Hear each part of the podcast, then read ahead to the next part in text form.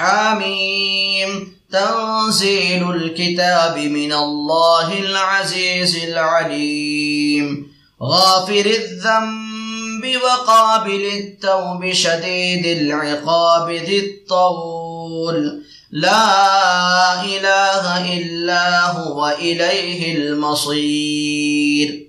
یہ کتاب اتاری گئی ہے اللہ کی طرف سے، جو زبردست ہے، ہر چیز کا جاننے والا ہے۔ گناہ کا بخشنے والا ہے اور توبہ کا قبول کرنے والا ہے، سخت سزا دینے والا ہے، قدرت والا ہے، اس کے سوا کوئی لائق عبادت نہیں، اسی کے پاس لوٹ کر جانا ہے۔